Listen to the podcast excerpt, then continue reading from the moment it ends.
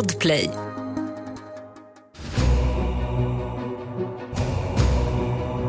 Krig, svält, farsoter, katastrofer och mord. Sveriges historia är full av hemskheter.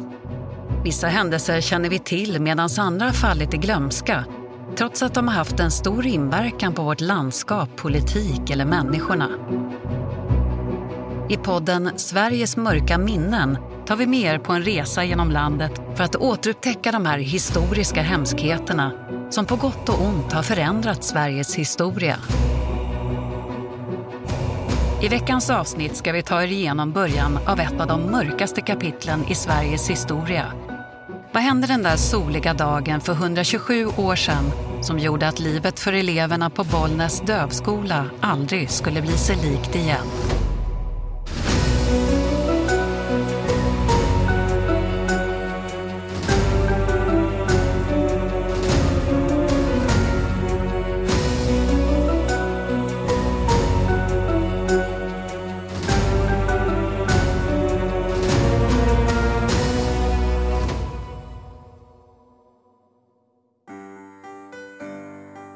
Sverige under sista delen av 1800-talet.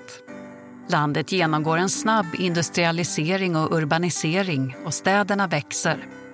Mellan 1890 och 1914 ökade antalet stadsbor i landet med 600 000 personer från 900 000 till en och en halv miljon.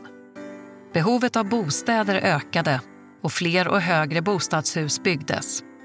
Trots detta drabbades ändå städerna av trångboddhet och dåliga hygieniska förhållanden. Folksjukdomar som lungtuberkulos spreds genom landet. Befolkningstillväxten skapade också arbetslöshet vilket bidrog till att en stor del av befolkningen emigrerade till USA under den här tiden. En annan sak som förändrades under sista halvan av 1800-talet var synen på utbildning. Man ville göra folkskolan mer attraktiv för medelklassen och man tyckte att det var nödvändigt att hitta lösningar för barn som av olika anledningar inte klarade det dagliga skolarbetet. Det kunde bland annat handla om döva barn, vilket tar oss till Dövskolan i Bollnäs. År 1896 ska en grupp elever från skolan åka på utflykt efter sommarlovet den efterlängtade färden kommer att sluta i tragik och de flesta av skolans elever kommer aldrig hem igen. Efter ett långt sommarlov är skolan igång igen och eleverna på Dövskolan i Bollnäs är upprymda över terminens första utflykt. De sitter på ångbåten Idale och blickar förväntansfullt ut över sjön. Skolans rektor Johan Pravitz sitter och betraktar eleverna. Han tittar på sin fru läraren Axelina och ler mot henne. Höstterminen kunde inte starta på ett bättre sätt. Så plötsligt. En stor smäll och båten gungar till kraftigt. Axelina tecknar oroligt åt Johan. Vad händer? Johan skakar på huvudet och reser sig stressat för att prata med maskinisten. Innan han hinner säga ett ord gungar båten till igen och då är det kört. Båten kantrar och träet knakar högt när den lägger sig på sidan. Eleverna ger ifrån sig höga skrik. De minsta barnen gråter och Axelina försöker förgäves trösta dem. I panik försöker eleverna, rektorsparet, lärarna och maskinisten ta sig av båten men det verkar vara omöjligt. De har fastnat i en mardröm Skrik blandas med gråt och i tumultet svimmar en av lärarna. Maskinisten och Johan Pravitz försöker hitta ett sätt att få ut eleverna ur båten. Men de fortsätter bara att dras med den ner under ytan. På andra sidan sjön sitter skolans övriga elever och ser katastrofen ske framför deras ögon. De hör inte skriken från deras klasskamrater men inser snabbt att sommardagen som började med förväntan och glädje kommer att sluta i något helt annat. Dövskolan i Bollnäs grundades år 1874. Då hade Institutet för blinda och döva i Sverige funnits i nästan 70 år. Men dövas skolgång var långt ifrån en självklarhet. Några år efter att skolan i Bollnäs startat påbörjades diskussioner i landet om hur undervisning för döva skulle vara. Och 1889 bestämdes det i riksdagen. Lagen om dövstumundervisning, som det kallades på den tiden, stiftades och för första gången blev åtta års skolgång obligatorisk för hörselskadade. Det här var något helt nytt och revolutionerande för hörselskadade i Sverige och bidrog till ett nytt sätt att se på dem. Så tillbaka till Bonnässkolan. Kunskap och intresse kring dövundervisning var inget som direkt fanns i överflöd. Men Johan Pravitz studerade redan som 20-åring olika undervisningsmetoder för döva. Han reste runt i Sverige, Norge, Danmark, Tyskland och Schweiz för att studera olika metoder. Redan som 25-åring blev han sen föreståndare för skolan i Bollnäs och blev direkt omtalad för sitt engagemang. På skolan jobbade också lärarinnan Axelina Fält som två år senare gifte sig med Johan Pravitz.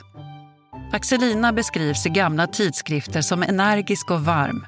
Eftersom hon själv var döv kände hon starkt för elevernas utbildning. Hon var omtyckt av både personal och elever på skolan. När man har sett fru Pravitz mår man gott resten av dagen, ska en arbetare på skolan ha sagt om Axelina. Ett poddtips från Podplay. I fallen jag aldrig glömmer djupdyker Hasse Aro i arbetet bakom några av Sveriges mest uppseendeväckande brottsutredningar. Går vi in med hemlig telefonavlyssning och, och då upplever vi att vi får en total förändring av hans beteende. Vad är det som händer nu? Vem är det som läcker? Och så säger han att jag är kriminell, jag har varit kriminell i hela mitt liv men att mörda ett barn, där går min gräns. Nya säsongen av Fallen jag aldrig glömmer på Podplay. Hela skolan gör sig redo för höstutflykten till Gullhammarön, en liten ö ungefär en halv mil från Bollnäs. Utflykten var tradition på skolan varje år i samband med höstterminens start. Tanken var att eleverna skulle ha roligt och lära känna varandra bättre och både elever och personal skulle följa med.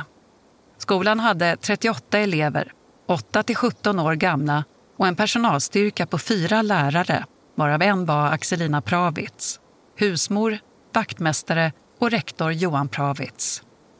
Tanken var som sagt att hela skolan skulle följa med på utflykten men eftersom ångbåten var för liten och bara kunde ta 22 personer fick skolan delas in i två grupper. I första gruppen var alla lärare, rektor Johan, alla flickor på skolan, skolans husmor och två pojkar som åkte med för att bära massäckarna. I den andra gruppen var resten av skolans pojkar, manliga lärare och rektorparets 14-åriga dotter Betty som av någon anledning inte kom med i första turen. Den åtta meter långa båten lastades och första gruppen klev på. Ombord fanns då också maskinisten Larsson och hans son som skötte ångpannan. Skolans pojkar och resten av den andra gruppen tog sig under tiden ut till Långsnäs udde där de skulle hämtas för andra vändan med båten. Men de fick vänta förgäves.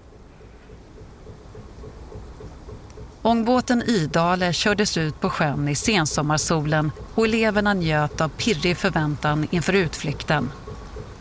Men båten hann inte ta sig långt innan de passerade två flytande timmerupplag. Och här är snart katastrofen ett faktum. Mellan timmerupplagen på väg ut till ön fanns en kraftig pelare av stockar som användes för att förtöja båtar. Pelaren låg ungefär en halv meter under vattenytan vilket maskinisten på båten inte hade någon aning om. Utan någon vetskap om pelaren fortsatte han därför att köra ångbåten rakt fram och kraschade då med full fart rätt in i pelaren. Båten kantrade och började direkt ta in vatten. Panikslagna och chockade försökte passagerarna ta sig ur men av någon anledning lyckades de inte göra det utan blev kvar på båten. Och en bit därifrån stod alltså skolans andra utflyktsgrupp och såg katastrofen utspela sig utan att kunna göra något för att rädda sina klasskamrater mer än att springa och kalla på hjälp. Ett 40-tal båtar kom till olycksplatsen för att rädda passagerarna men vid det laget var det redan för sent. Alla utom två av flickorna, två av lärarna, Maskinisten och hans son hade följt med båten ner i djupet. Det tog tid för resten av utflyktsgruppen att få information om exakt vad som hade hänt och vilka som hade överlevt olyckan. Rektorsparets dotter Betty var en av alla som skräckslagna tvingats bevittna olyckan från land. Och för just henne var det hela om möjligt ännu mer skrämmande. Båda hennes föräldrar befann sig ombord på båten. Hon satt kvar på udden och väntade. Till slut kom beskedet. Hennes pappa Johan hade klarat sig genom att tillsammans med en av lärarna klättra upp på en timmerbom. Men hennes mamma, Axelina, hade inte haft samma tur. Hon var en av alla som gick under med båten. Sorgen på skolan var total. Rektor Johan Pravitz hade inte bara mist kollegor och elever utan också sin älskade fru, mamman till hans barn. Utöver Axelina och en annan av lärarinnorna omkom elva av skolans flickor och två av skolans pojkar. När läsåret började fanns bara två flickor kvar på skolan eftersom alla andra hade omkommit i olyckan. Men för Johan Pravitz gick till slut livet vidare. Han fortsatte sin karriär som rektor och några år efter olyckan gifte han om sig med den lärare som hade överlevt med honom på timmerbommen. Tillsammans fick de egna barn och kända svenska skådespelerskan Elsa Pravitz, född 1932, är deras barnbarn. Johan Pravitz fortsatte sitt engagemang för hörselskadade och hans undervisning var revolutionerande eftersom den var kopplad till elevernas egna intressen. Målet var att eleverna själva skulle få upp lusten att använda språket och att man i undervisningen skulle behandla hörselskadade barn på samma sätt som hörande. Men det mörka minnet av Ydale-katastrofen fanns kvar och händelsen räknas fortfarande som en av de mest tragiska sjöolyckorna i svensk historia. Under guidade turer runt Gullhammarsjön berättas än idag historien om skolutflykten som skulle gå till just den ön men som istället tog slut på sjöns botten. Du har lyssnat på Sveriges mörka minnen, en podcast producerad av Podplay. Manus skrevs av Ayla Karlsson, ljudläggning och musik av Kristoffer Folin och producent är Oliver Bergman. Jag som berättar heter Katarina Evers. Podplay, en del av Power Media. Ett poddtips från Podplay. I fallen jag aldrig glömmer djupdyker Hasse Aro i arbetet bakom några av Sveriges mest uppseendeväckande brottsutredningar. Går vi in med hemlig telefonavlyssning och, och då upplever vi att vi får en total förändring av hans beteende. Vad är det som händer nu? Vem är det som läcker? Och så säger han att jag är kriminell, jag har varit kriminell i hela mitt liv men att mörda ett barn, där går min gräns. Nya säsongen av Fallen jag aldrig glömmer på Podplay.